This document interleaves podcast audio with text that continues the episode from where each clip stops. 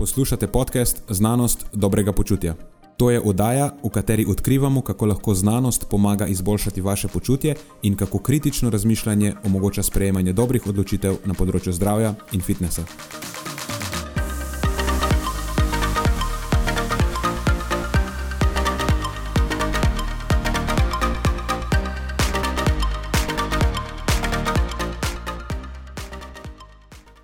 Preden začnemo, pa se moram zahvaliti še našim sponzorjem.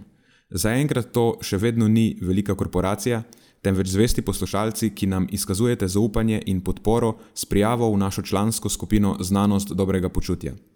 Hvala vsem, ki s tem držite luči prižgane in omogočate podkastu, da raste in postaja še bolj kakovosten.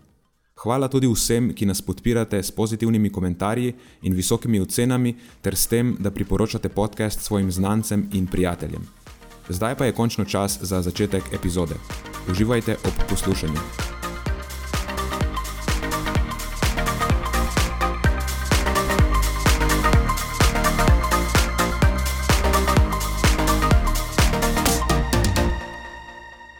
Sej, ne vem, sem bil jaz na zadnji, Ni, nisem bil jaz na zadnji epizodi, ste imeli z Matjažem. A je bila to poletna pauza, ne, zakaj se nisi javil tako dolgo? Smo pričakovali kakšen komentar od tebe. A ti ništa, tišina. Zdaj smo imeli pauzo, poletno. To Ne napovedano. Ja, to sezono je nisem planiral, ampak recimo, da je bila. Sem da bi v tem primeru rekel, da je bila bolj ali manj prisilna. Ti si bil pa itak na dopustu, pa nisi opazil. A ne, sem opazil, sam um, nisem temu posvečal neke ekstra pozornosti na dopustu, pa res ne. Sem se trudil biti na dopustu, kakorkoli so razmere to dopuščale, pa se bo treba nekaj vračati, pa bo treba, treba nekaj reči menedžerati. Pa je bil nekako pol dopust, ampak vseeno. Kar se tiče pa spremljanja teh socialnih medijev, pa um, objav in podobnega, v zvezi s tem sem bil pa res na dopustu. No, jaz sicer nisem bil na dopustu, sem se pa potem s to katastrofa, katastrofalno ujmo situacijo vseeno dal, odločil dati v nižjo prestavo po sili razmer. Mogoče pa lahko rečeš, da je tudi premišljeno. Ne vem, to boš zdaj lahko samo ocenil. A zdaj, ker že nekaj časa mimo, ne? pa boš malo mal pojasnil. Uh, boš malo pojasnil, zdaj. zdaj lahko podaš poglobljeno razlago. Jaz celo vem, da si imel komentar pripravljen na epizodo, pa si se odločil, je ne posnet. Skrepate vse skupaj, pa vršite Tako, smeti. tako. Nekaj takega se je zgodilo. Ja. Mogoče lahko res najprej vsaj toliko časa temu posvetiva. Vmes sem sicer dobil občutek, da je očitno neka družbena norma, da v takih situacijah moraš zelo glasno izraziti svoje mnenje, ampak sem potem z vsem tem, kar se je dogajalo, z, z ujmo, med ujmo in direktno po ujmi, dobil nek občutek, da um, vsem se mi je zdelo najbolj primerno ostati tiho. Zdaj, ena opcija bi bila, da bi nadaljevali business as usual. Recimo, lahko bi objavil tisto dveurno monster epizodo o pregledu literature na področju magnezija. En dan predtem smo jo posnela z Matjažem, ampak se nisem mogel prisiliti v to, tako že ob sami misli na to, veš, da bom v tem času objavil ep- epizodo o tako nepomembni zadevi, kot je magnezij. Že ob sami misli na to mi je postalo tako malo slabo, strašno banalno, v glavnem. Tako da epizoda je zaenkrat v arhivu, eh, po pogovoru s člani v Patreon skupini je sicer objavljena za poslušanje na Patreonu, ampak na ostale platforme bo š- šla enkrat drugič. Zaenkrat se mi zdi še vedno preveč banalna, čeprav realno ne vem točno zakaj. Ampak, ok, če se vrnemo k razlogom za to pauzo, razmišljanje je šlo približno tako nekako. Ena opcija, oziroma to zdaj druga opcija, če zanemariš business as usual, je bila to, da lahko bi se sicer oglasil z nekimi kvazi koristnimi stvarmi, a veš tisto, kako recimo poskrbeti za neoporečnost živil ali pa vode, ali pa kje najdeš kakšno številko, ali pa kakšno hrano zbereš, ali pa ne vem, kako menedžiraš anksioznost, you name it, ker bi se našlo kaj. Samo se mi je zdelo odvečno, da ima samo sebi namen, To je ena stvar, druga stvar je to, da to so bile informacije, za katerem bi v tistem času mogli poskrbeti drugi relevantni viri. In nekako sem potem zaključil, da, ja, da bi bilo to samo sebi namen in da z moje strani je to samo dodajanje nekega nepotrebnega šuma. Naslednja stvar, nisem izdelal nič smiselno, nič primerno pometovati o tem, kaj se je zgodilo, pa zakaj se je zgodilo. Nihče ni rabil še, še enega mnenja o tem, eh, še najmanj, da bi iskali krivca ali karkoli podobnega. Tako da, kakršno koli mnenje o tem, kaj se je dogajalo, tudi če bi bilo kao dobro namerno ali pa s poskusom biti konstruktiven, je bilo odvečno. E, se mi zdi, da če nisi bil v tistem času eden od ljudi na nekem odgovornem položaju, to je pač eden tistih, ki ima trenutno osodo ljudi v rokah. Potem karkoli lahko o tem poveš, pa tudi če imaš prav, ne more biti konstruktivno. A veš, kjerkoli je bil recimo, prizadet na nek signifikanten način, se je ukvarjal z akutnimi stvarmi. Pač ni imel časa, ni volje v končni fazi za razpravljanje ali pa za ukvarjanje z mnenji ljudi, ki ne vplivajo direktno na njegovo stanje, ki ga ima takrat pri roki. Ker če si imel v dnevni sobi 200 kubikov blata, si se, um, si se ukvarjal s tem, pa z ljudmi, ki so potencialno prišli pomagati z lopatami edini ljudje, kjer jih mnenje so te takrat zanimala, so bili ljudje v politiki, pripadniki civilne zaščite, ne vem, eh, javno zdravstvene inštitucije, gasilci, vojaki, tam tvoji občinski funkcionarji, zavarovalniški agenti. Eh, kaj pa je zdaj, pač, a veš, tisti, ki so za tvojo akutno situacijo praktično relevantni. Jaz nisem bil noč od tega, tako da zakaj bi se oglašal. Pol še ena stvar, so bili, bi, bi bili neki čustveni izlivi, o tem se sicer lahko pogovarjava. Uh, ker o tem sem zadnje čase razmišljal malo več, ampak čisto na kratko, tudi to se mi ni zdelo niti potrebno, še najmanj koristno, ker nobenega ne zanima, kako če sploh je meni ali pa tebi hudo. Tudi če je meni ful hudo in ful sočustvujem, razglašanje tega po internetih ne bi bilo koristno za nobenega, razen meni, mogoče, da se volajšam. Tako da tudi tukaj se mi je zdelo bolj pametno ostati pač tiho. Zdaj, če strnemo vse to, zakaj z naše strani ni bilo nič, je moja pozicija taka, da karkoli bi sproducirali v smislu vsebine za neko javno uporabo, bi bilo po moji oceni ali prisiljeno, ali neiskreno, ali pa neko preslabo izoblikovano mnenje. Sicer še zmeraj ne vem, zakaj točno, ampak že samo, ko sem razmišljal o produciranju vsebin v tistem času, sem se počutil tako malo umazan. Uh, imel sem občutek, občutek da, da vse, kar koli bo sproducirano, bo nekako pritegnilo pozornost, in mislim, da me je to odvračalo. Enkrat sem se ujel v, v, v to razmišljanje in sem se v bistvu aktivno izogibal kakršni koli pozornosti. In to je tudi razlog, zakaj dejansko v tem času, niti na družabnih omrežjih, niti kjerkoli drugje, v bistvu nisem obstajal. In to je bil moj modus operandi. Čim manj pozornosti, tem boljše.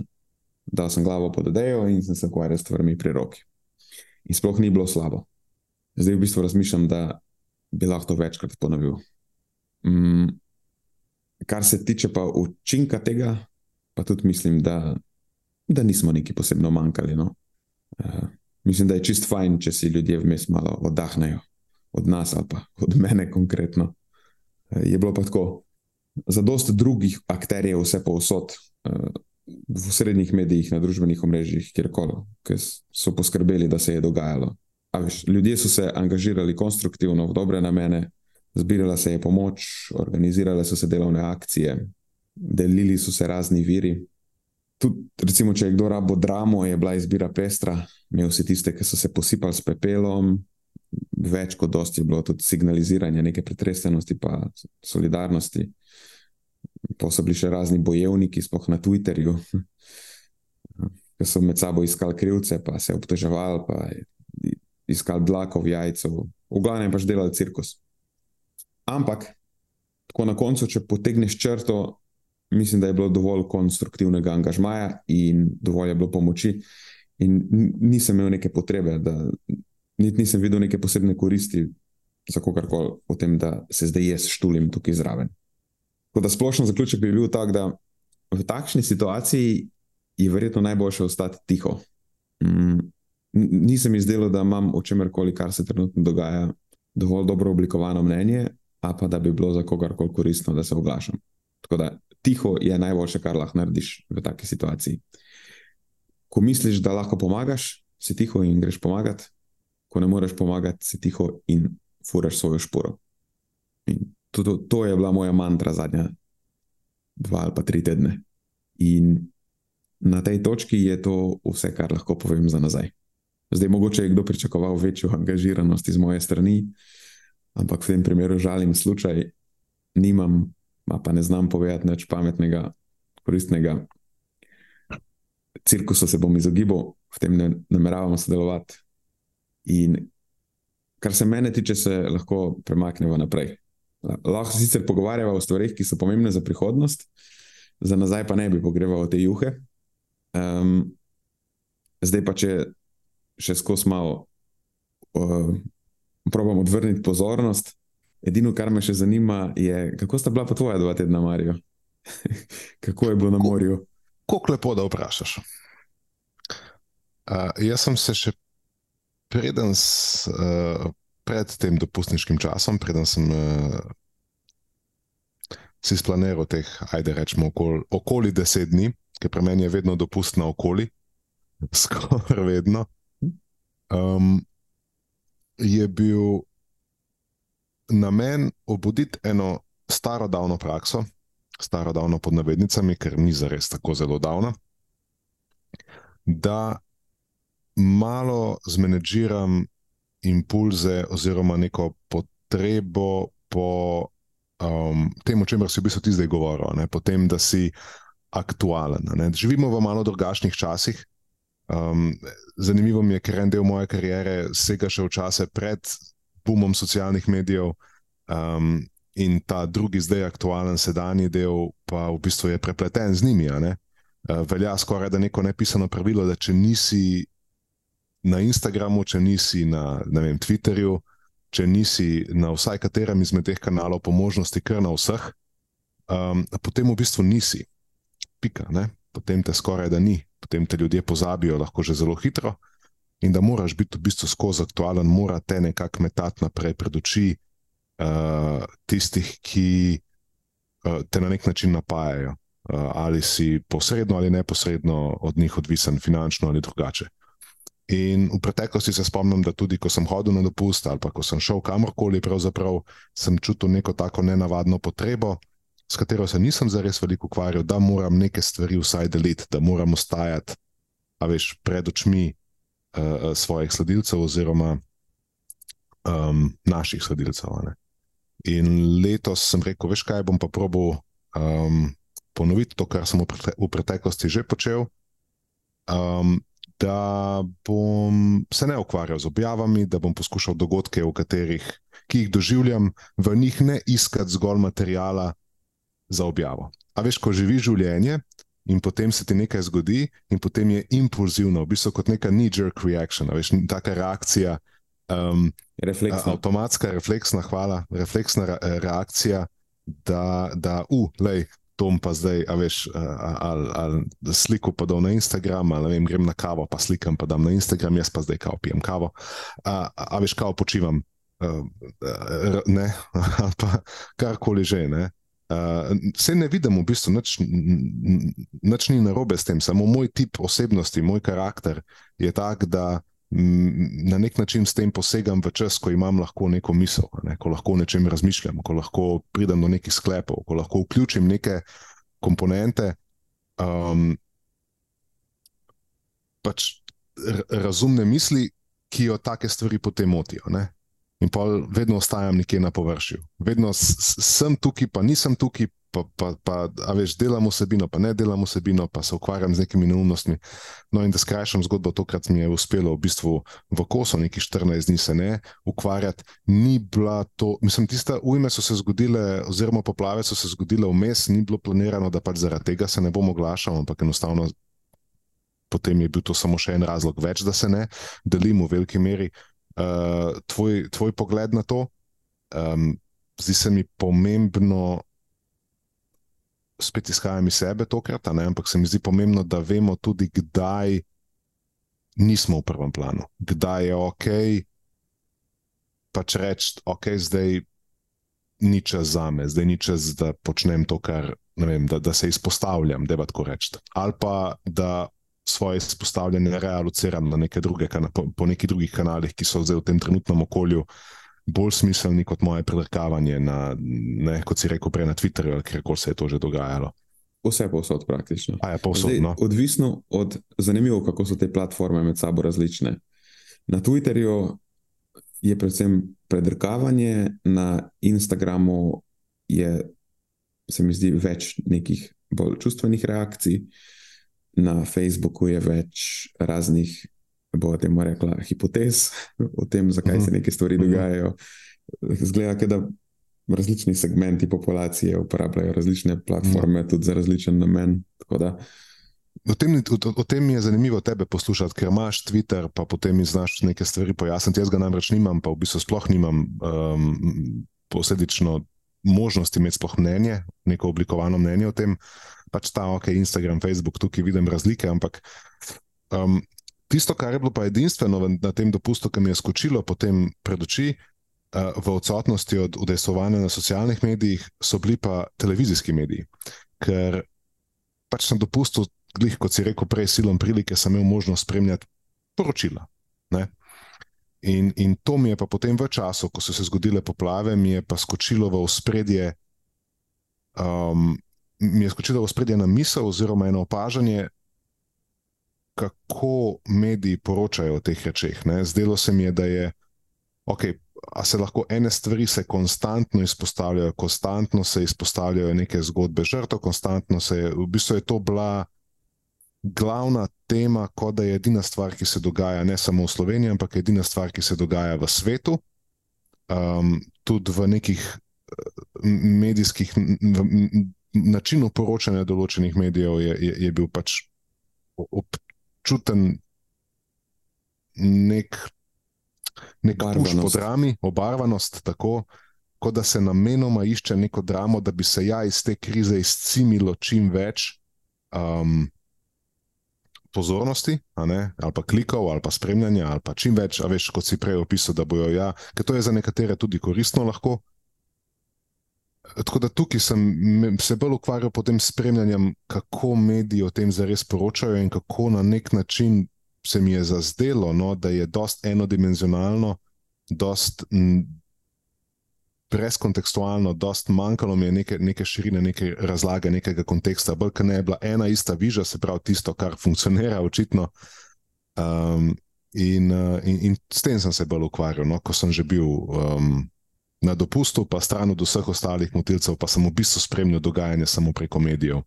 Ker prej ne, si imel možnost dobivati informacije iz različnih verov, pa si bral različne stvari. Zdaj na dopustu pa v bistvu nisem. Bral sem svoje knjige, ki sem jih vzel s sabo in, in, in, in sem se z njimi ukvarjal, s dogajanjem sem pa samo spremljal preko televizijskih medijev in sem bil potem lahko toliko bolj fokusiran na, na, na to, kako oni komunicirajo z nami.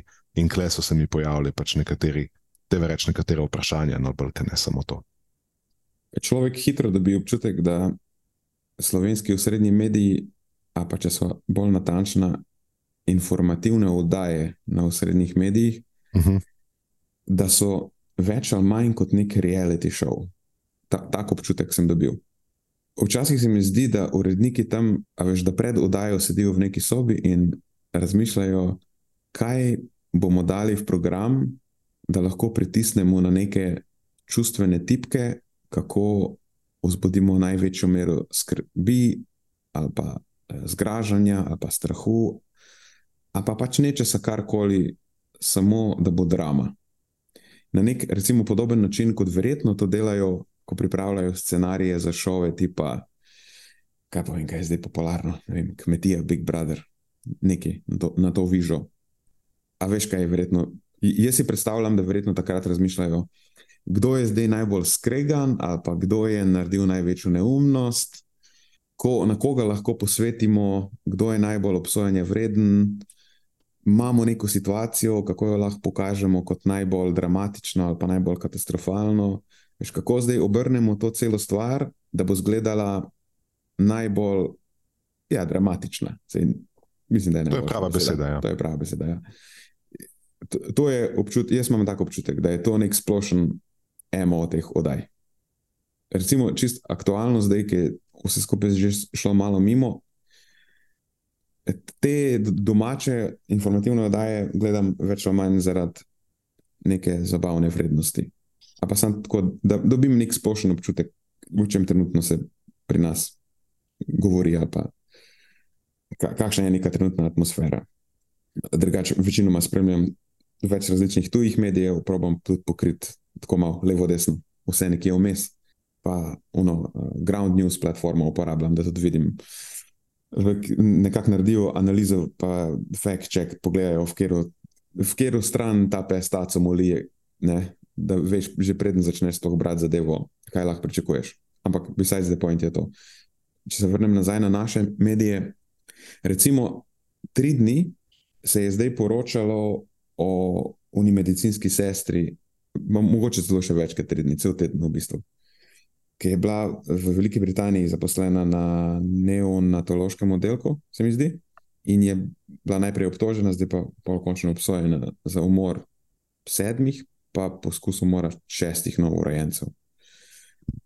Kar je po vseh standardih več kot obsojanja vredno, se strinjam s tem. Ampak kaj je namen doslednega in podrobnega spremljanja tega primera pri slovenskih medijih. Edini motiv, zakaj se slovenski mediji tako podrobno ukvarjajo s tem, pa postavljajo to v ospredje, napram vsemu ostalemu, kaj se dogaja v svetu, je lahko vzbujanje zgražanja. Ker za večino slovencev ta podatek nima nobene uporabne vrednosti, ampak tako res nobene. In nepomemben je v veliki sliki dogajanja v svetu sicer lahko za marsikero stvar, ki se v svetu zgodi, lahko rečeš, da za povprečnega slovenca mogoče ni glih najbolj relevantna, ampak se mi vseeno zdi, da stvari, ki imajo neke, vsaj neke geopolitične pa strateške implikacije, bodo vplivali na povprečnega slovenca, tudi če minimalno, ampak bistveno bolj kot primer te medicinske sestre. Ker po vseh standardih je to lokalna britanska novica. Ne, po drugi strani pa recimo, zdaj sicer obstaja, dopušča možnost, da se ima preveč strok, ker slovedi, slovenske medijske hiše vsem se mi zdi, da ne razpolagajo s takšnimi sredstvi kot recimo tuji mediji. Samo vsem, na koncu, če primerjaš tujo medijsko hišo, pa našo medijsko hišo, a pa samo informativne vodaje, recimo teh hiš, je ena stvar je ta, da pogosto ne vedno, ampak pogosto dobiš občutek, če gledaš naše informativne oddaje, da je svet velik, tako kot je velika Slovenija in kakšna sosednja država. Recimo, predvsem Slovenija, pa Hrvaška, se mi zdi, da, da je to eh, velikost sveta, ki nam jo prikazujejo naše informativne oddaje največkrat. In to je, se mi zdi, nekaj čez palec ocena, vsaj 80 odstotkov programa glavnih informativnih oddaj so neke pol pomembne novice iz večinoma lokalnih zadev. Po pa tudi, ko dobiš recimo neko informacijo iz sveta, zdaj prvič je že to, da ali jo dobiš ali ne dobiš, ni nujno, da jo dobiš. Včasih jo dobiš. Drugič, tudi, ko jo dobiš, je pozno servirana, in tretjič, tudi že tako je bila pozno servirana, pa je pa še površno predstavljena. Jaz bi tako spet, je to samo moja ocena, rekel, da vse, kar se v svetu zgodi, pretežno pomembnega, zveš z vsaj eno tedensko zamudo. Sploh, če hočeš, da je zraven tega še neka semi-solidna analiza tega, kar se je zgodilo. Recimo nekaj, kar ima neko geopolitično, pa strateško implikacijo, kar ni nekaj, kar je samo en stavek nekje vmes v oddaji, breaking news, to se je zgodilo včeraj, gremo naprej. Ne, recimo, neke konkretne stvari, kot so situacija Ukrajina, Rusija, ne, kaj se dogaja zdaj s protiofenzivo ali pa eh, o dogajanju v Črnem morju, pa dobave opreme, pa tako naprej. Kakšno je stanje ruske ekonomije. Ne vem, hitro dobiš lahko občutek, da ta stvar več sploh ne obstaja, se mi zdi. Ali pa eh, recimo tudi o stopnjevanju unih napetosti v Nigru smo dobili dobesedno en teden kasneje. Sem jaz uspel na, na eni od naših informativnih oddaj izvedeti, če ne bi že prej izvedel iz drugih virov, da se je to zgodilo. Pa ni nepomembno, ne? ker je potencial, ima potencial za kar obširen konflikt. Um, tudi za nas, konkretno, ima pomembne implikacije, zdaj bo to neka spet humanitarna kriza, lahko vpliva na našo ekonomijo, lahko vpliva na tok migrantov. Kupenih stvari, zakaj v končni fazi je to lahko bolj pomembno za povprečnega slovenca, tudi če minimalno, kot recimo ona medicinska sestra. Tako da tukaj jaz v, pri naših medijih pogrešam malo več poudarka na to dogajanje v svetu, kar pa mogoče še bolj pogrešam je pa, da nek, veš, neko, nek, nek strokoven komentar pa zraven, nek, neko objektivno analizo tega dogajanja, veš podatke pa to, neka projekcija. Ker pol bi bilo uporabno za nas zgodilo se je to in kaj zdaj lahko pričakujemo, da se bo zgodilo, pa kako bo to za nas relevantno. Ne, kako bo to recimo vplivalo na neka razmerja v svetu, ali pa kako se bo to odrazilo pri nas. Tako. Ker če preklapljaš recimo med različnimi viri, gledaš recimo Deutsche Welle, pa BBC, pa mogoče kak ameriški vir, pa še vem, kaj drugega od evropskih virov. Uh, tam se dogaja točno to, zgodi se neka situacija, na hitro je predstavljena in pol povabijo nekoga z neke tam univerze, ki se konkretno ukvarja s tem, pa je relevanten za to tematiko, da jim pove nekaj o tem. Pri nas v bistvu je interpretacija tega več ali manj čisto odvisna od, bi rekel, novinarja, ampak doskrat niti ne samo od novinarja, ampak voditelja vdaje. Razmišljam, kako dopolnim to, kar si rekel zdaj, ali pa kako se odzvati na to. Tisto, kar sem jaz opazil, je, kako z načinom poročanja, recimo, mediji lahko vplivajo na naše dojemanje, kako pogosto ali verjetno je, da se nekaj v svetu dogaja. In um, če mi vse čas, ko spremljamo medije, pa ne samo televizijske medije, kjer koli že medije spremljamo, če skozi se nam pojavljajo neke zgodbe o tem, kako se, ne vem, kot si rekel, ta mena. Uh, sestra je naredila to, tam se je zgodilo tisto, tam se je zgodilo to. Ponovadi so te tendence k neki morbidnosti, ne? išče se pač ta neka uh, negativnost v poročanju, ker enako bi lahko poročal tudi o nekih drugih, recimo, rečeh o, o izboljšavah um, v, v zadnjih letih na področju, recimo, poprečnega stanja svetovljana. Ne? vem, lahko bi pisalo tudi v medijih, skoraj da vsak dan, da se je vem, 100 tisoč ljudi odrešilo v svetovnem merilu um, hude revščine. Veš, kaj hočem povedati? Ne? Ampak ne piše to, ne piše, kako je nekdo nekje nekoga um, umoril iz ne vem, In imaš potem tako občutek, da vem, po celem svetu se vse posod dogajajo, samo teroristični napadi ali pa ljudje hodijo po šolah in streljajo. Imaš tako občutek, da je, je to zdaj vse posod. Ne? In brez teh podatkov, katerih omeniš, brez postavitve tega v kontekst, imaš res tako občutek, v resničnosti pa je to recimo kaplja v morju v primerjavi z številnimi umori, ki se zgodijo iz mnogih drugih razlogov. In, in to hočem reči, da v odsotnosti od, od te objektivnosti, ki si jo omenil, potem ljudje postanemo nekako, se, se nagonsko začnemo ravnati po nekih lastnih vtisih ali pa po uh, um, objavah v medijih, ki pa v bistvu, če so lahko, da ne odražajo realnosti. In, in to se mi zdi, da se tudi na naša področja zelo, zelo, zelo dobro prenaša. Ne? Če opažujemo, kako se komunicira o nekih rečeh na področju vadbe ali rečeh na področju prehrane, spet vidiš ta isti vzorc. Ponavadi so objave takšne, da v nas sprožajo dramo, uh, ali je nekaj strupeno, ali je najbolj, najbolj strupena hrana na svetu, je ne vem, gojen losos. Ali pa naj, vem, vsi pesticidi, aditivi, kar veš, ustvarja se drama, ustvarja se nek strah, seje se strah um, straši se ljudi, um, zato, da bi se potem doseglo nek engagement, nek, neko viralnost, mogoče celo neko prodajo, potem neke kvazi rešitve. Da bi se v bistvu ljudem prikazalo, kako grozno je to vse skupaj, in, in, in jih obdržalo v tem, v tem tako krogu, uh, brez izhodnosti, oziroma itak je vse tako zakomplicirano, da nimaš kaj narediti. In, in to je to je v bistvu precej zahtevna situacija, se mi zdi, potem za nekega slehrnika iz tega ven, če, če ne razume, v bistvu, um, kaj vse vpliva na, naša, na naše odločanje, na naše razmišljanje o tem, in kako pristranski znamo biti v teh sklepih, um, se res lahko počutimo ujeti uh, v, v neko. Paralelno resničnost, ki nam jo rišejo vsi okoli nas, mi pa se do nje ne znamo opredeliti, um, zdaj na tisto, kar v, v, v resnici obstaja, ampak ne znamo tega prepoznati. Upam, da, sem, ja, wow. da, da je bilo smiselno, kar sem hotel povedati.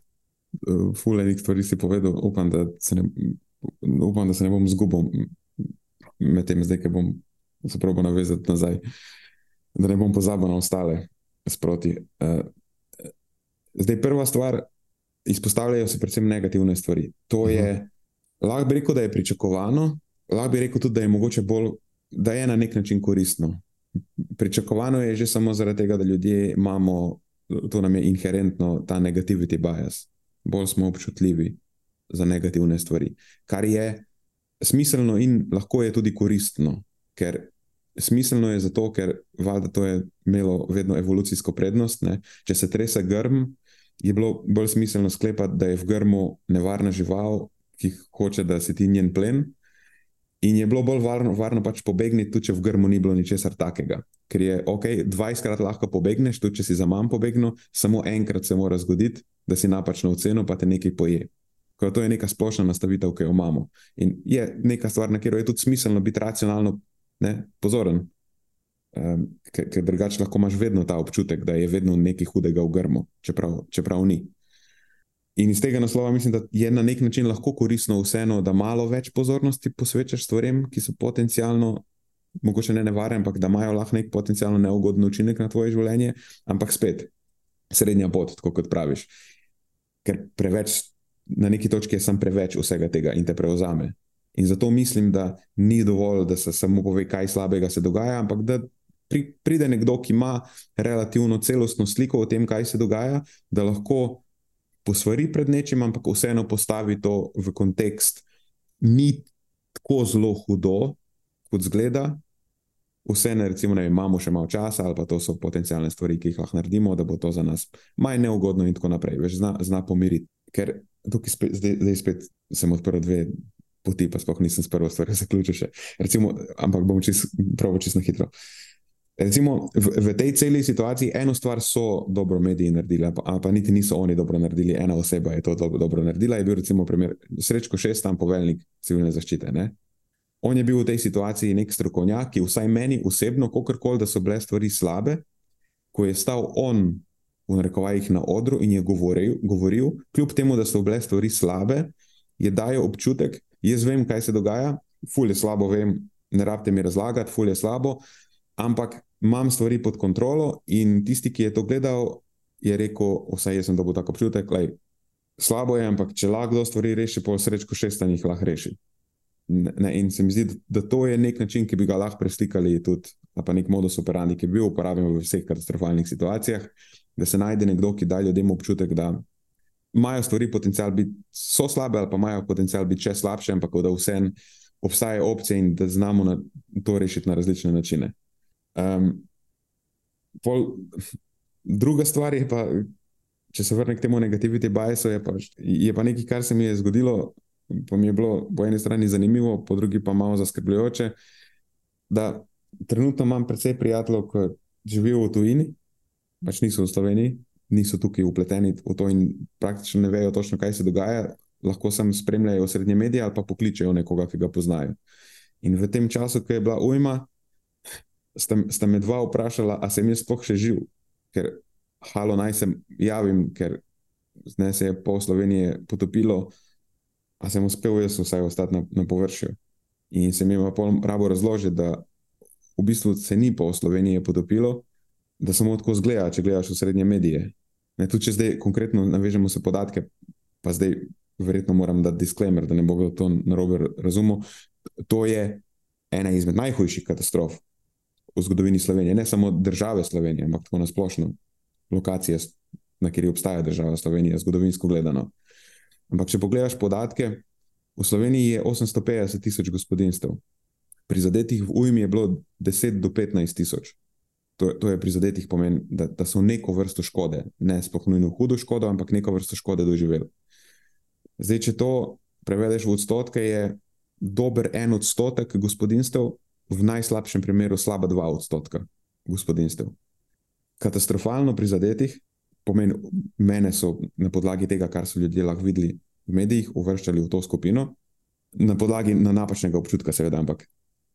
Torej, katastrofalno prizadetih je bilo na začetku po grobi oceni tisoč, to je že takrat je bila ta groba ocena tisoč, zdaj po aktualnih podatkih je 400, ajde rečemo slabih 500 stanovanjskih objektov neprimernih za bivanje, 34 jih je porušenih in to vse skupaj pomeni 700, slabih 700 razseljenih ljudi.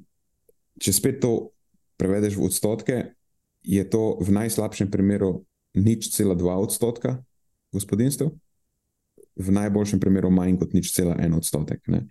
In to zdaj ni moj poskus, da pravim to krizo kakorkoli pomanjševati.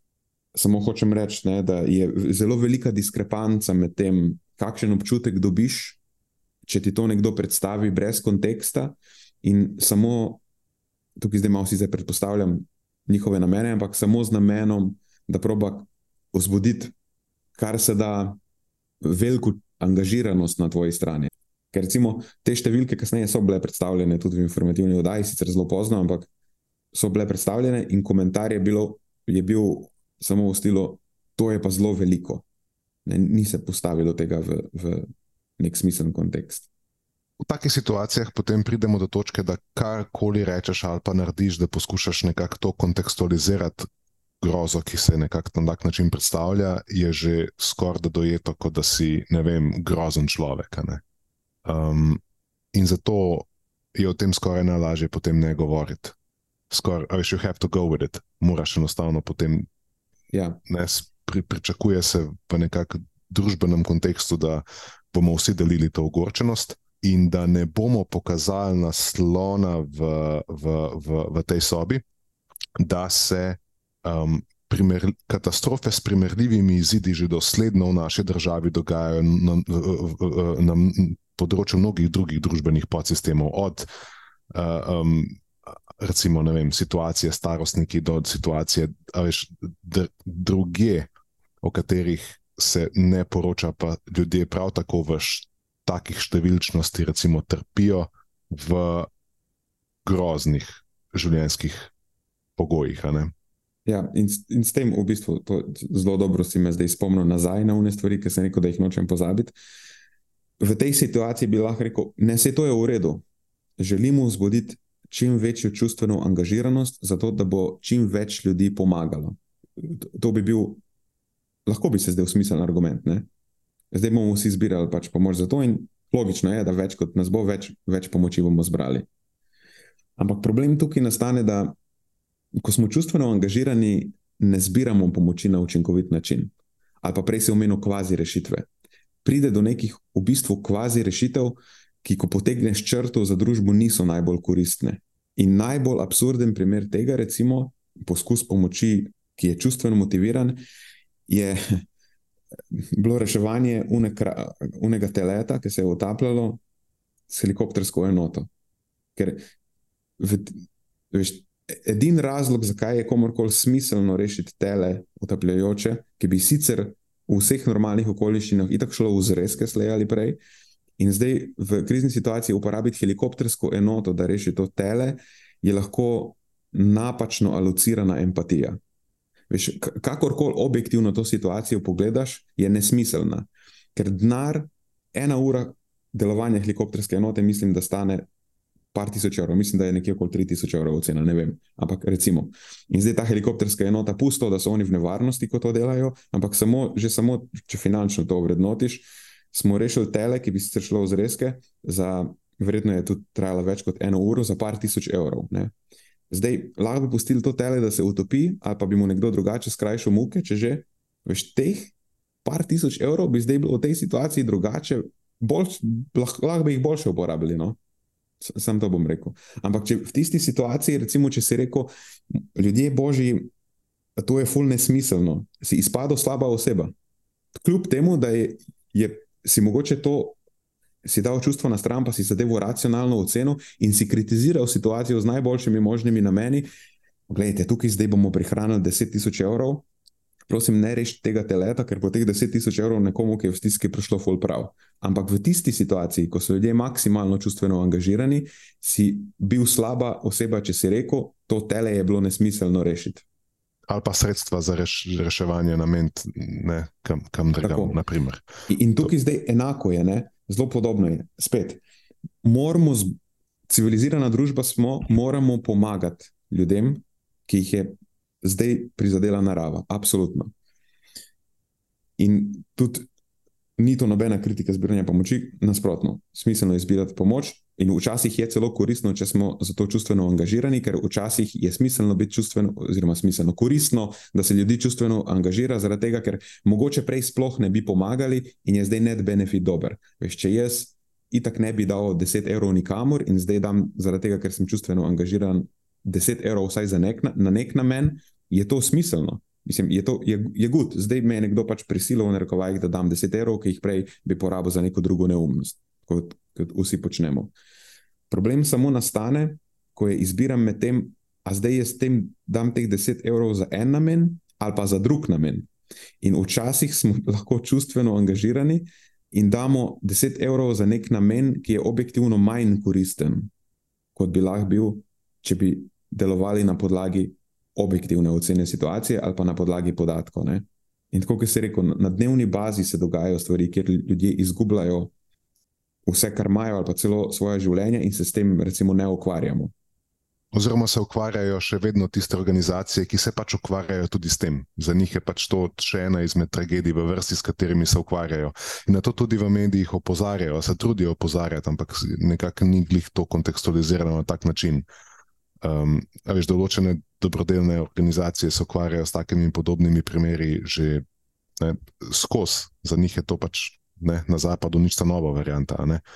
Imamo ljudi, ki so izgubili vse. Ja, um, ampak so neke zgodbe, kot si prej rekel, ne, se, se, na katere se odzovemo drugače. Med drugim tudi zato, ker so nam bile prezentirane drugače. Ja, to je problem prezentacije, je, ne, ker je se včeraj v Džimu, sem uh, po nesreči sprožil to debato. Zadnje čase razmišljam o empatiji, o, o vlogi empatije pri spre, sprejemanju raznih odločitev. Ker empatija se smatra kot nekaj, kar je ful dobro.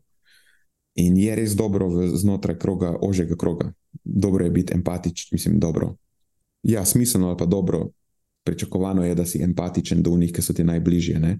Problem samo nastane, ko je ta empatija aplicirana zelo na široko, ali pa ko se na podlagi empatije proba sprejemati neke zelo pomembne odločitve, in to velja praktično na vseh področjih. Mm, ker empatija je tako zelo dvorezen meč, sploh ko je široko aplicirana. Ne? Ker v tem primeru so ljudje empatizirali v, v tistem primeru s to kravo, ki ima obraz, pa je več neka konkretna stvar. Ali pa empatiziraš lahko z eno osebo, ne z neko zgodbo, ki je, ki je predstavljena in pol hitro zanemariš vse, kar se dogaja okoli tega. Veš, ljudje bodo lažje namenili pomoč neki zgodbi, s katero se lahko poistovetijo, zlahka pa zanemarijo statistiko. Najlažje je pomagati eni osebi, ki ima neko ime, pa zgodbo, ki ti je privlačna, kot pa če ti nekdo pove, veš, obstaja en večji primer, za katerim trpi, ne vem, deset tisoč ljudi in bi, jih, in bi jim teh, x teh sredstev, ki si ga namenil tej eni osebi, bistveno bolj pomagalo, če bi jih tja namenil. Plus to, da ne omenjam, da pač empatijo načeloma uporabljamo zelo selektivno in jo namenjamo tja, kjer se lahko poistovetimo z nekom in smo bistveno lahko celo bistveno manj naklonjeni potem ljudem, s katerimi pa se v bistvu ne moremo poistovetiti. Obstaja tudi par zanimivih raziskav na tem področju. Um, za vse ljudi, ki mislijo, da je empatija vedno samo dobra. Um, nogo, smešno sicer, ampak nogome, nogometni navijači so, v, so očitno v, na tem področju zelo prilo, priljubljen vzorec, na katerem se preučuje empatijo. In je pokazano, recimo, da, da so lahko ti navijači empatični, predvsem do navijačev svoje skupine. Medtem ko če jih recimo izpostavijo stimulusu, kjer gledajo, kako trpijo navijači druge nogometne ekipe, ne samo, da z njimi ne morejo biti empatični, ampak se zgodi celo, da ugotovijo, da jim privoščijo več bolečine. Veš, ker ti si empat, s tem, ko si empatičen do unih, s katerimi se lahko bolj poistovetiš, si manj empatičen do vseh ostalih in lahko celo privede do paradoksalnega učinka, kjer si manj empatičen ali pa celo sovražno naravnan do tistih, ki jih smatraš, da so mogoče lahko škodijo tistim, do katerih si empatičen. Tako da empatija je v bistvu, ker je kot čustvo pod vplivom naših pristranskosti in lahko povzroči ta paradoksalen uh, učinek, kjer se, veš, pol, je, je nek je, je samo ena plat čustvenega kovanca, kjer sta na drugi plati tudi jeza, pa prezir, pa gnus, pa tako naprej. Vse imaš, recimo, nam, na nam bliže, bližjem področju, ne? imaš recimo take primere, vse posod. Recimo, imaš trenerja, kolega tvoj, naprimer, ali pa kolegica tvoja, ki vidiš, da med tem, ko um, vadi z drugimi šara po telefonu ali pa daje neki osebi, za katero to ni primerno, nekaj recimo brpije za delati, ali pa oziroma izbira neke neustrezne metode treninga, in boš bolj naklonjen opravičevanju uh, tega ravnanja, kontekstualiziranju tega ravnanja, najdo boš več opravičil temu ravnanju, če boš pa na drugi strani, uh, skratka, ne boš tako obsojajoč. Na drugi strani boš pa recimo lahko videl, da pa en prodajalec recimo prehranskih dopolnil, nek recimo, da imamo reči Herbalife, ki grejo mnogim na živce, ki prodaja neki ženski ali poskuša prodati neki ženski neka prehranska dopolnila ali pa nek šejk tam, ki je pač trikrat predrag za to, kar ne primer za to žensko bi bilo koristno. In tam boš pa pač, o, to so pa prodajalci megle, to so šarlatani, to so, a ne boš imel pa veliko zapovedati proti takšnemu početju. Čeprav pod črto, če potegnemo, tako eni kot drugi v resnici delajo samo tisto, kar oni sami mislijo, da je za ljudi najbolj primerno. Ne? Ampak glej to, kar govoriš, zaradi tega, kako smo, pač ljudje smo in pristranski smo in bomo tudi to empatijo favorizirali, glede na to, aha, trener je, kolega je, razumem, a veš, razumem, odkje prihaja. Dočim tist, ne, kot nekdo, ki pa prodaja neka dopolnila ali pa na nekem drugem področju, bomo rekli, pa, da je totalna katastrofa, bo, do tega pa ne bomo imeli nobene empatije. Ne, ne bomo našli nobenega razloga, s katerim bi postavili to v nek kontekst. Ne. Mm. Tako da to, to vidim tudi na našem področju, praktično dnevno to počnemo v naši stroki. No. V bistvu, ker sem v zadnje čase kar nekaj literature prebral iz področja empatije sem skozi probo potegniti te usporednice na naše področje. In eh, de, dejansko je ta misplaced empatija, bo temu rekla, kako je na, napačno, napačno usmerjena empatija. Ne vem, drugače tega prevesti. Ma veliko razlagalno vrednost tudi na našem področju. Se mi zdi, da lahko s to misplaced empatijo pojasniš marsikero, marsikero čudno odločitev na področju zdravja, pa tudi marsikaj trend ali pa neko neracionalno ustrajanje pri neki dieti ali pa podporo nekim eh, ideološkim nazorom v, v prehrani. In recimo je en klasičen primer, ki je primer iz politike, ampak ga lahko zelo enostavno preslikaš na neko.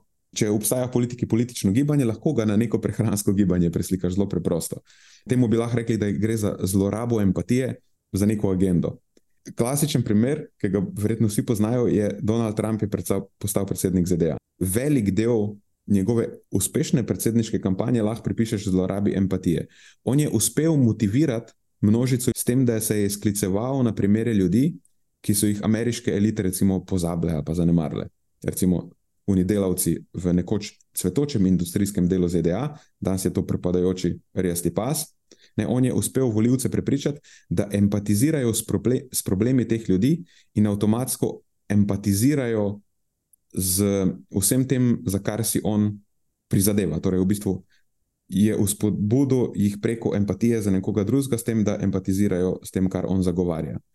In tega ni zelo težko preslikati na prehransko področje. Veš, ti imaš razne ljudi, a pa razne prehranske pristope, ki imajo neko, neko širšo ideologijo v zadej, ki rečejo, da zdravniki vas hočejo samo služiti na vas, ali pa farmacevtska industrija to in to, ali pa zanemarjeni ste strani unih, zanemarjeni ste strani tistih. Ne? Mi probamo doseči to in to, in hitro začneš empatizirati z nekom, ki ti prodaja rešitev, a veš, kontra temu. In mu lahko na ta način komod pogledaš skozi prste.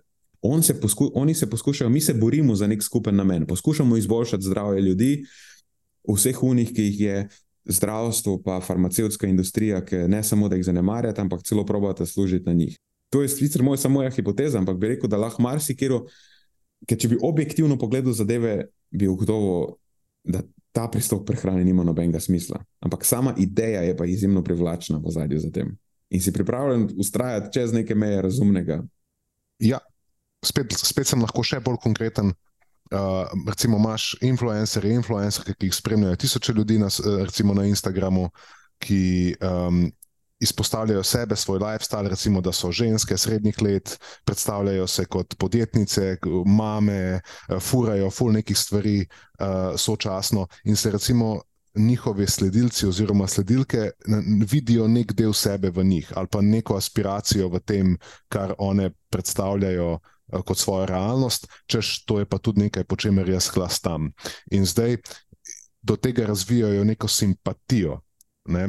In kljub temu, da potem zna razumski del njihovih možganov prepoznati, kdaj te osebe kvasijo neumnosti, ko zač, recimo začnejo propagirati neke ideje, za katere tudi sami rečejo, o šit, ne, to pa mogoče res ni najbolj smiselno, ampak ko jih soočiš s tem. Ne, kot sem rekel prej, prej začnejo braniti, ja, pa se veš, pa se to ona samo dobro misli, pa ni to, ne počne tega skozi.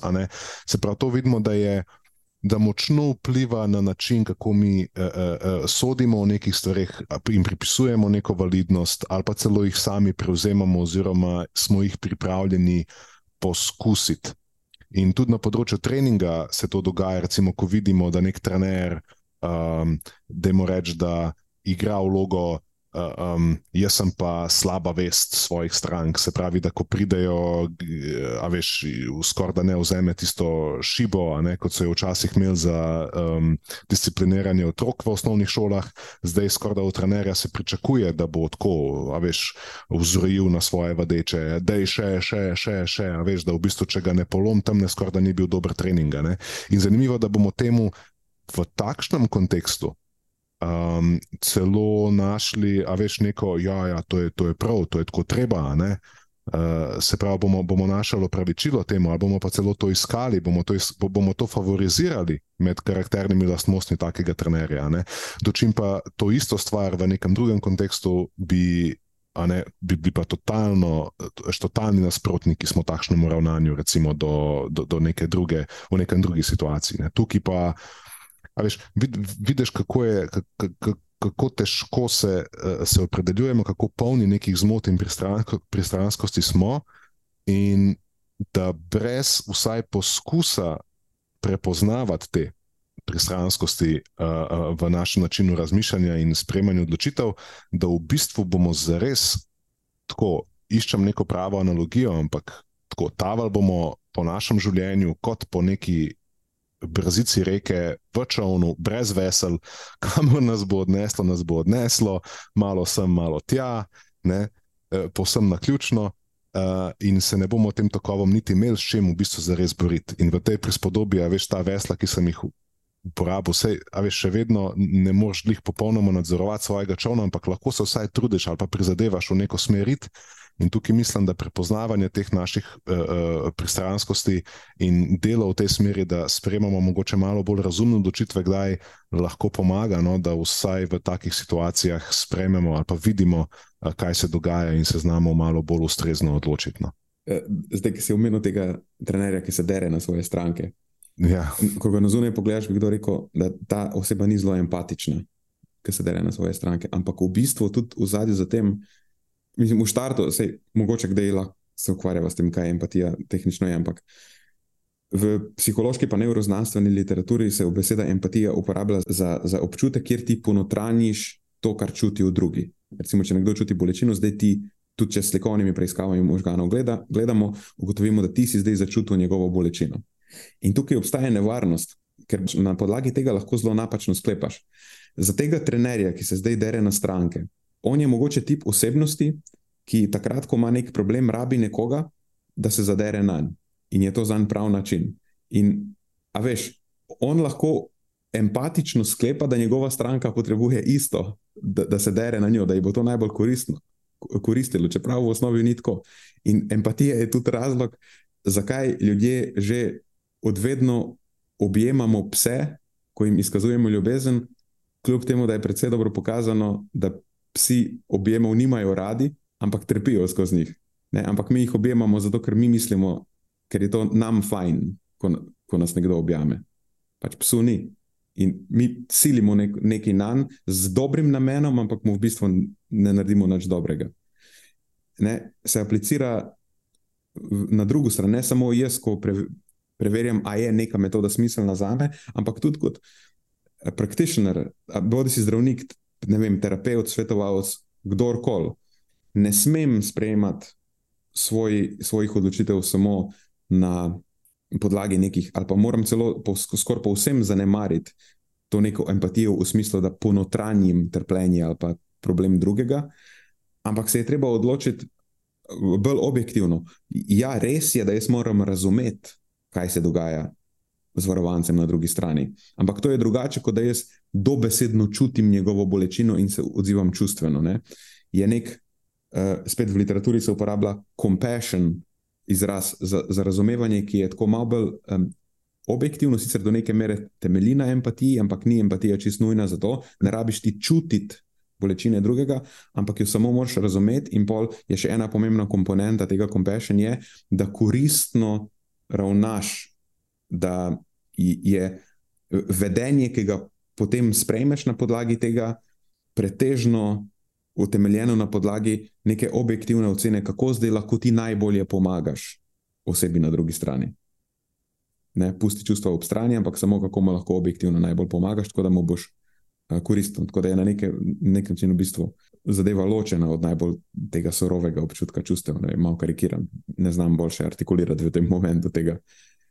Veš, pač, če si nekdo, ki sprejema resne odločitve, ki imajo implikacije za zdravje drugih ljudi, bi jaz rekel, da rabiš manj empatije, pa več sočutja, a pa recimo manj nekega tega impulziv, neke impulzivne empatije in več zanašanja na podatke, pa mogoče več.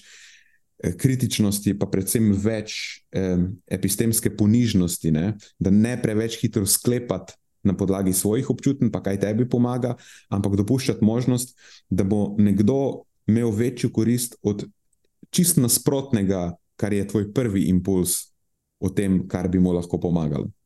Tukaj težko dodam nekaj v razlagi.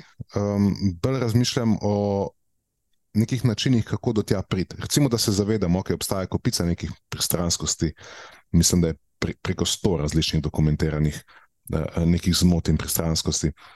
In, in zdaj, ok, ampak kaj zdaj? Sprašujem se, kako pa potem obstaja nek, neko orodje, ki bi ga recimo nekomu, ki posluša to, ali bi si pa želel temu izogniti, kaj lahko naredi, da, da, da si pomaga. Ne?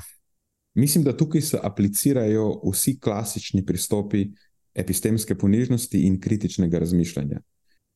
Itak je vedno odvisno od situacije in konteksta, ampak ta neka veš, splošna nastavitev, če bi zdaj hotel to dejansko zaključiti, pa se je počasi lahko zaključil, ker nama časa zmanjkuje.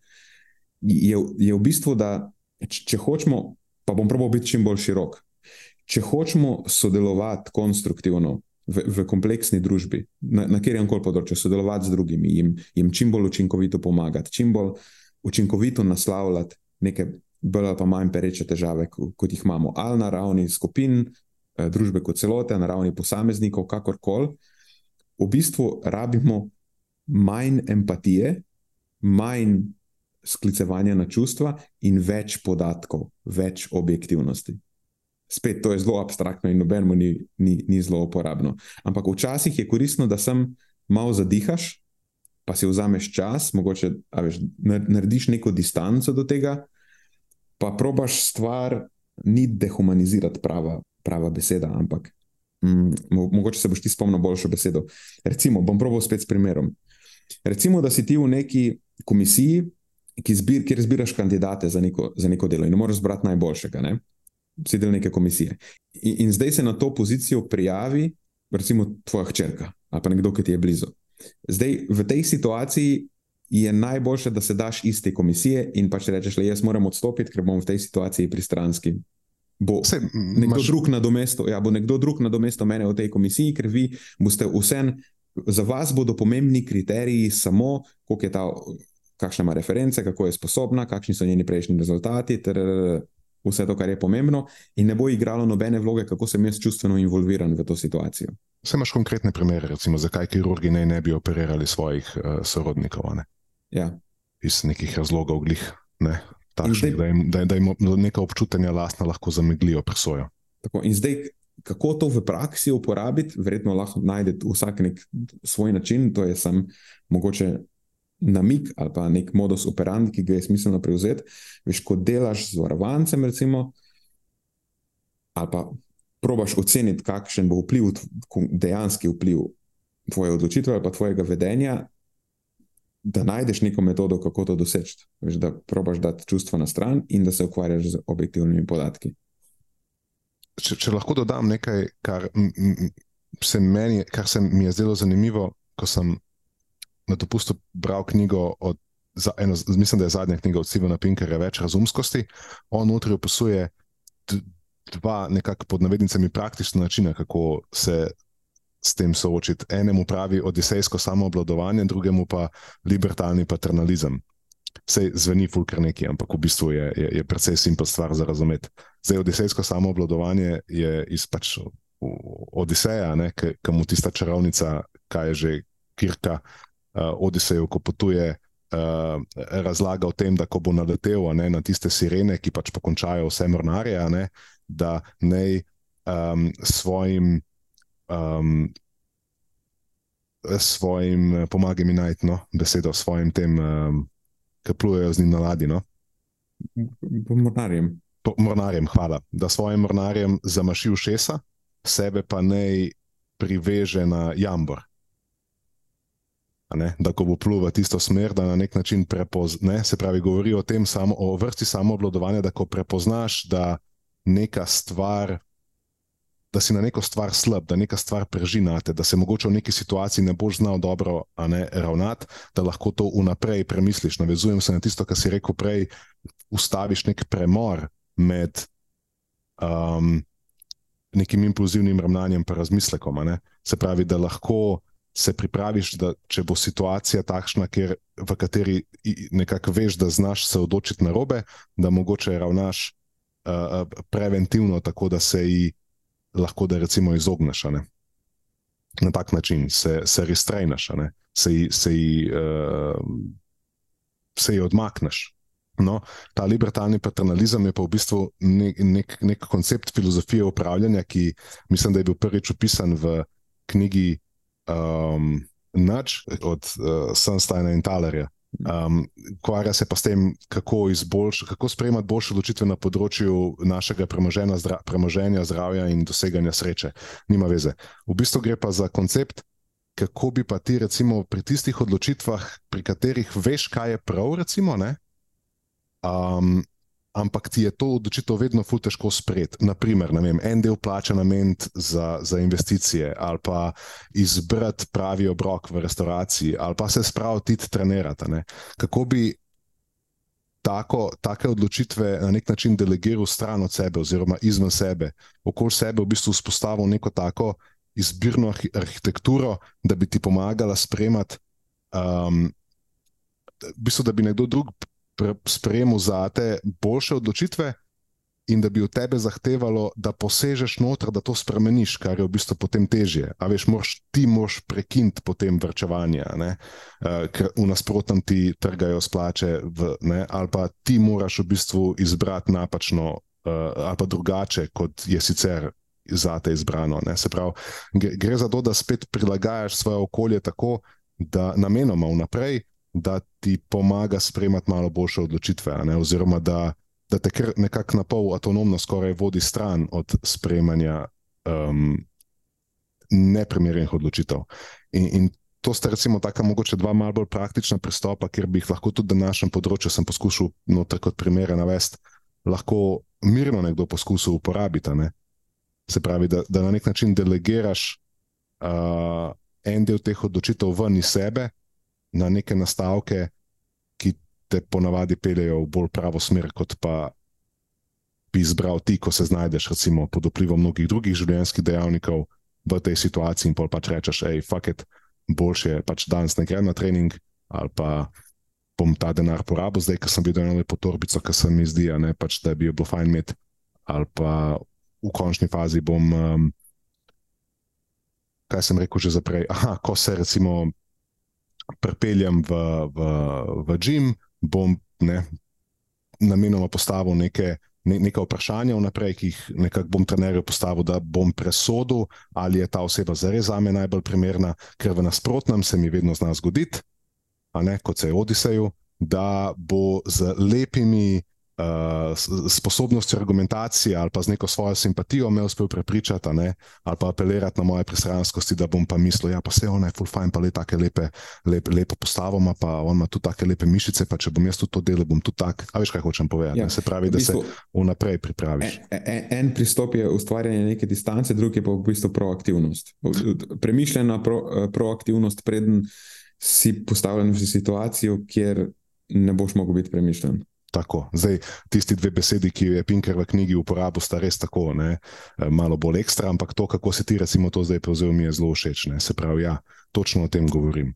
Ne? In mislim, da je to dost začetniško, da je nekaj, kar bi lahko vsak od nas poskusil. Ne? Da če greš na neko tako stvar, da lahko premisliš, da obstaja verjetnost, da bom tukaj spet nasedel na neki in se na to, mogoče z nekimi vprašanji ali pa z nekimi predvidevanji, pripraviš bolje, ali pa če veš, da pod nekimi drugimi, recimo, čustvenimi vplivi postaneš slep za neke reči, namenoma nekoga opolnomočiš, da ti posveti luč, da, da, da, da recimo sprejme to odločitev na mesto tebe in se na tak način um, se, se, se rešiš ne, tega tveganja, ali pa ga vsaj precej zmanjšaš.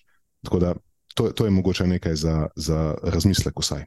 Marijo, jaz mislim, da boljše kot to, da zdaj so na vrhu hriba vse, kar bo sledilo temu, bo sem še šel navzdol. Lahko dam za zaključek samo še en citat iz te knjige, ki, mi, ki sem si ga na debelo počrtal. No, to bo to potem istočnica. To bo zastavca. Evo, zastavca. Na vrhu hriba. Postavljam zastavco. Nihče izmed nas ni dovolj razumen, da bi samostojnim razmišljanjem dosledno prihajal do smiselnih sklepov. Razumskost izhaja iz skupnosti razumnikov, ki drug pri drugem zaznavajo napake in zmote. In lahko dodam samo še, da se zahvaljujem tebi in Matjažu in naši filmski ekipi, da ste moja skupnost razumnikov. Zdaj pa lahko odvržeš mikrofon. Sem, le, pam. To je to.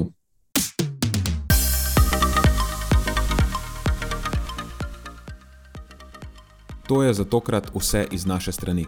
Hvala, ker ste poslušali do konca. Delite epizodo s svojimi znanci in prijatelji in jo priporočajte dalje, saj s tem omogočite, da sporočilo znanost dobrega počutja doseže čim večjo množico. Hvala vsem, ki nas podpirate s članarino in tudi vsem ostalim, ki delite podcast dalje in nam izkazujete naklonjenost z visokimi ocenami in pozitivnimi komentarji. Se slišimo prihodnjič, do takrat pa ostanite premišljeni.